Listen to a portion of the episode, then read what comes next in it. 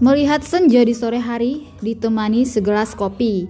Marilah kita belajar menyimak podcast ini agar menambah literasi.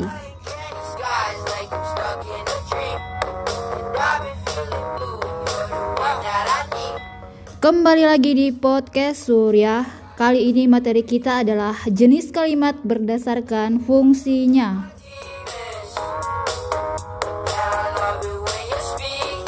Ada tiga jenis kalimat berdasarkan fungsinya, yaitu yang pertama kalimat imperatif atau kalimat perintah, yang kedua kalimat interrogatif atau kalimat pertanyaan, dan yang ketiga kalimat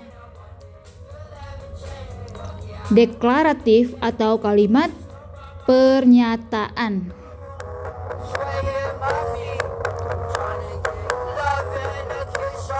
Ciri khas dari kalimat imperatif atau kalimat perintah adalah kalimat selalu diakhiri dengan tanda seru.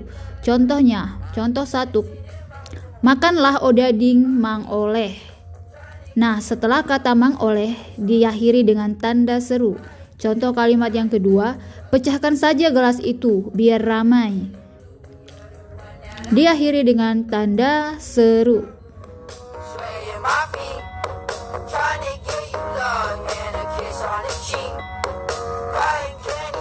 Kalau contoh kalimat interrogatif atau kalimat pertanyaan selalu diakhiri dengan kali, uh, tanda tanya.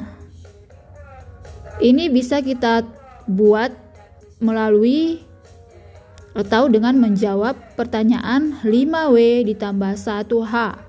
What yaitu apa, when yaitu kapan, where yaitu di mana, kemudian who dengan siapa, why mengapa, how bagaimana.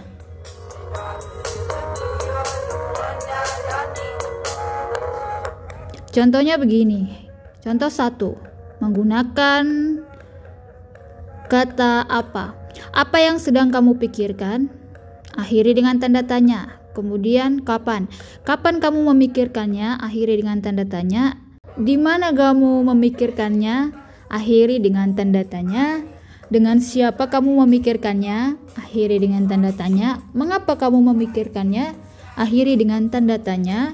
Bagaimana kamu memikirkannya? Akhiri dengan tanda tanya. Itulah contoh kalimat interrogatif atau kalimat pertanyaan.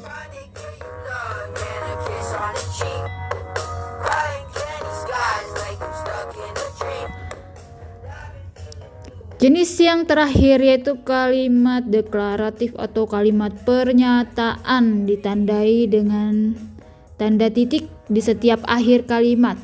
Contohnya adalah aku bisa menjelaskannya. Akhiri dengan tanda titik, kemudian ini tidak seperti yang kamu pikirkan. Akhiri lagi dengan tanda titik.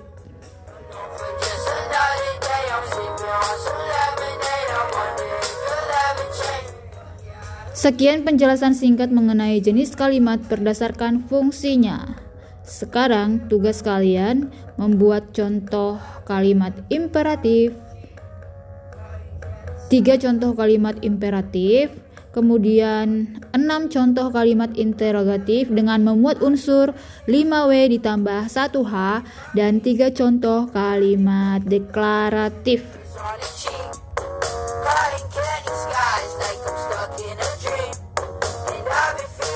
Silakan dijawab di kolom komentar, tepatnya di Google Classroom. Tetap semangat dan jangan menyerah.